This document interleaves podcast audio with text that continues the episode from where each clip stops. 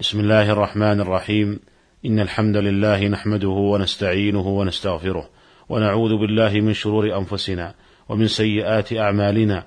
من يهده الله فلا مضل له ومن يضلل فلا هادي له. وأشهد أن لا إله إلا الله وحده لا شريك له. وأشهد أن محمدا عبده ورسوله صلى الله عليه وعلى آله وصحبه وسلم تسليما كثيرا. أيها الإخوة المستمعون السلام عليكم ورحمة الله وبركاته. وحياكم الله تعالى في هذه الحلقة الجديدة من هذا البرنامج. ولا يزال حديثنا موصولا عن صفة الصلاة. وكنا قد وصلنا إلى الحديث عن التشهد في الصلاة. وقد كان النبي صلى الله عليه وسلم يعلم الصحابة الدعاء في التشهد كما يعلمهم السورة من القرآن. وقد أخرج البخاري ومسلم في صحيحيهما. عن ابن مسعود رضي الله عنه قال كنا إذا صلينا خلف النبي صلى الله عليه وسلم قلنا السلام على جبريل وميكائيل السلام على فلان وفلان. فالتفت إلينا رسول الله صلى الله عليه وسلم فقال إن الله هو السلام.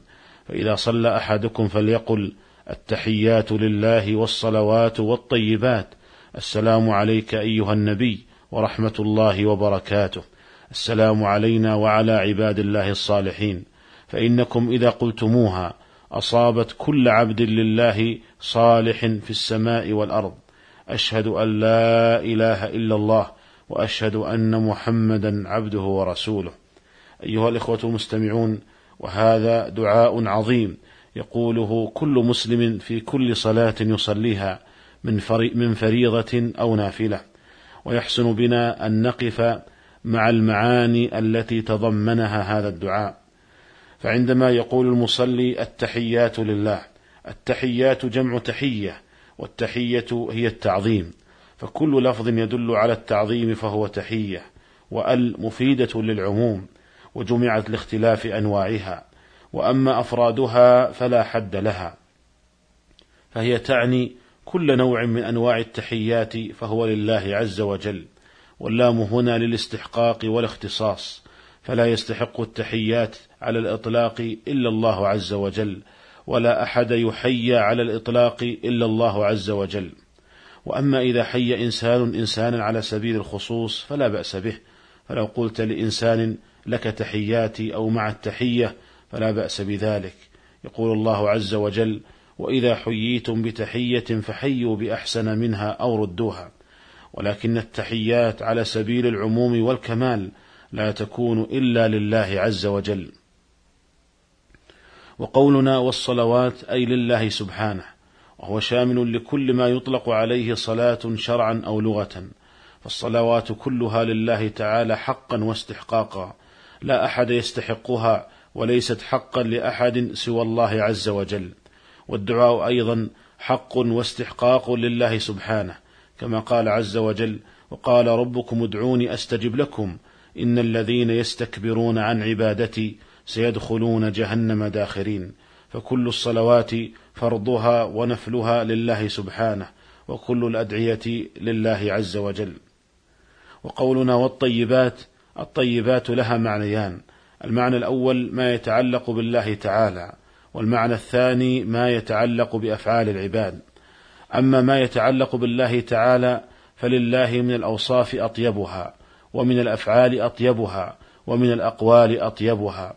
يقول النبي صلى الله عليه وسلم إن الله طيب لا يقبل إلا طيبا فلا يقول إلا الطيب ولا يفعل إلا الطيب ولا يتصف إلا بالطيب فهو طيب في كل شيء في ذاته وصفاته وأفعاله.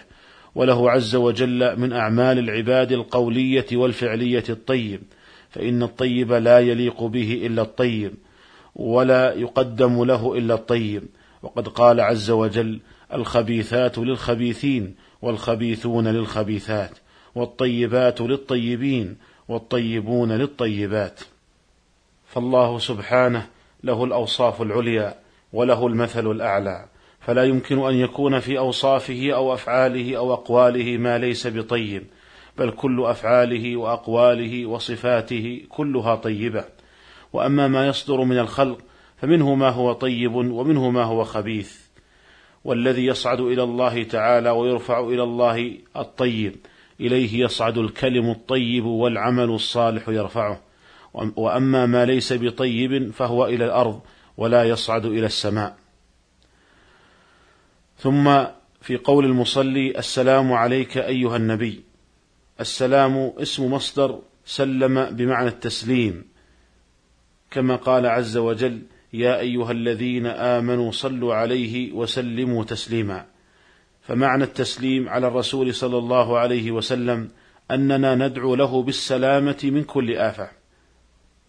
فإن قال قائل هذا الدعاء يكون في حياته عليه الصلاة والسلام واضحا ولكن بعد مماته كيف ندعو له بالسلامة وقد مات؟ فالجواب ليس الدعاء بالسلامة مقصورا في حال الحياة فهناك أهوال يوم القيامة ولهذا كان دعاء الرسل عليهم الصلاة والسلام عند العبور على الصراط اللهم سلم اللهم سلم. فلا ينتهي المرء من المخاوف والآفات بمجرد موته. وقال بعض أهل العلم إن السلام عليه يشمل كذلك السلام على شرعه وسنته وسلامتها من أن تنالها أيدي العابثين كما قال العلماء في قول الله سبحانه فردوه إلى الله والرسول قالوا الرد إليه يكون في حياته ويكون إلى سنته بعد وفاته وعندما يقول المصلي السلام عليك أيها النبي هو دعاء تدعو بأن الله تعالى يسلمه فهو خبر بمعنى الدعاء. وهذا خطاب للنبي صلى الله عليه وسلم وهو ليس كخطاب الناس بعضهم بعضا لأنه لو كان كذلك لبطلت الصلاة به لأن هذه الصلاة لا يصح فيها شيء من كلام الآدميين ولأنه لو كان كذلك لجهر به الصحابة حتى يسمع النبي صلى الله عليه وسلم ولرد عليه الصلاة والسلام كما كان كذلك عند ملاقاتهم إياه ولكن هذا هو كما قال شيخ الإسلام ابن تيمية رحمه الله في كتابه القيم اقتضاء الصراط المستقيم قال لقوة استحضارك للرسول عليه الصلاة والسلام حين السلام عليه كأنه أمامك تخاطبه ولهذا كان الصحابة رضي الله عنهم يقولون السلام عليك وهو لا يسمعهم ويقولون السلام عليك وهم وهم في بلد وهو في بلد آخر ونحن نقول السلام عليك ونحن في بلد غير بلده وفي عصر غير عصره. وأما ما جاء في صحيح البخاري عن ابن مسعود رضي الله عنه أنهم كانوا يقولون بعد وفاة النبي صلى الله عليه وسلم السلام على النبي ورحمة الله وبركاته فهذا اجتهاد منه رضي الله عنه وهو من اجتهاداته التي خالفه فيها من هو أعلم منه.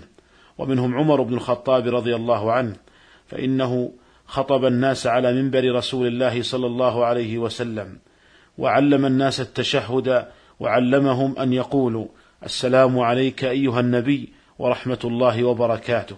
كما روى ذلك الإمام مالك في الموطأ بسند صحيح. وقال ذلك عمر بمحضر من الصحابة رضي الله عنهم وأقروه على ذلك.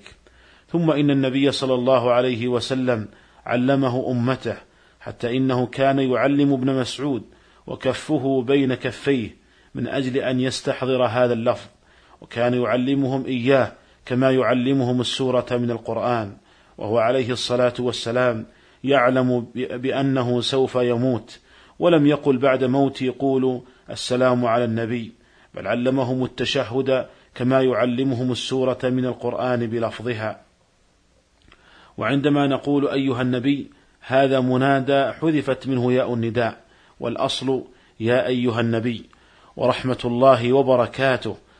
الرحمة معطوفة على السلام والمعنى ورحمة الله عليك. والرحمة إذا قرنت بالمغفرة أو بالسلام فالمراد بها ما يحصل به المطلوب. ويكون المراد بالمغفرة والسلام ما يزول به المرهوب. وأما إن أفردت الرحمة شملت الأمرين جميعا. فأنت بعد أن دعوت للنبي صلى الله عليه وسلم بالسلام دعوت له بالرحمة ليزول عنه المرهوب ويحصل له المطلوب. وإنما بدأ بالسلام قبل الرحمة لأنه كما يقال التخلية قبل التحليه فالتخلية السلامة من النقائص والتحلية ذكر الأوصاف الكاملة. فنبدأ بطلب السلامة أولا ثم بطلب الرحمة. وبركاته. جمع بركة وهي الخير الكثير الثابت وأصلها من بركة الماء وهي مجتمع الماء الكثير الثابت والبركة هي النماء والزيادة في كل شيء من الخير. والبركات التي للنبي صلى الله عليه وسلم كثيرة في حياته وبعد مماته. أما في حياته ففي عمله وفي طعامه وكسوته وأهله وغير ذلك. وأما البركة بعد موته فبكثرة أتباعه عليه الصلاة والسلام وكثرة عمل أتباعه لأن كل عمل صالح يفعله أتباعه فله مثل أجورهم إلى يوم القيامة.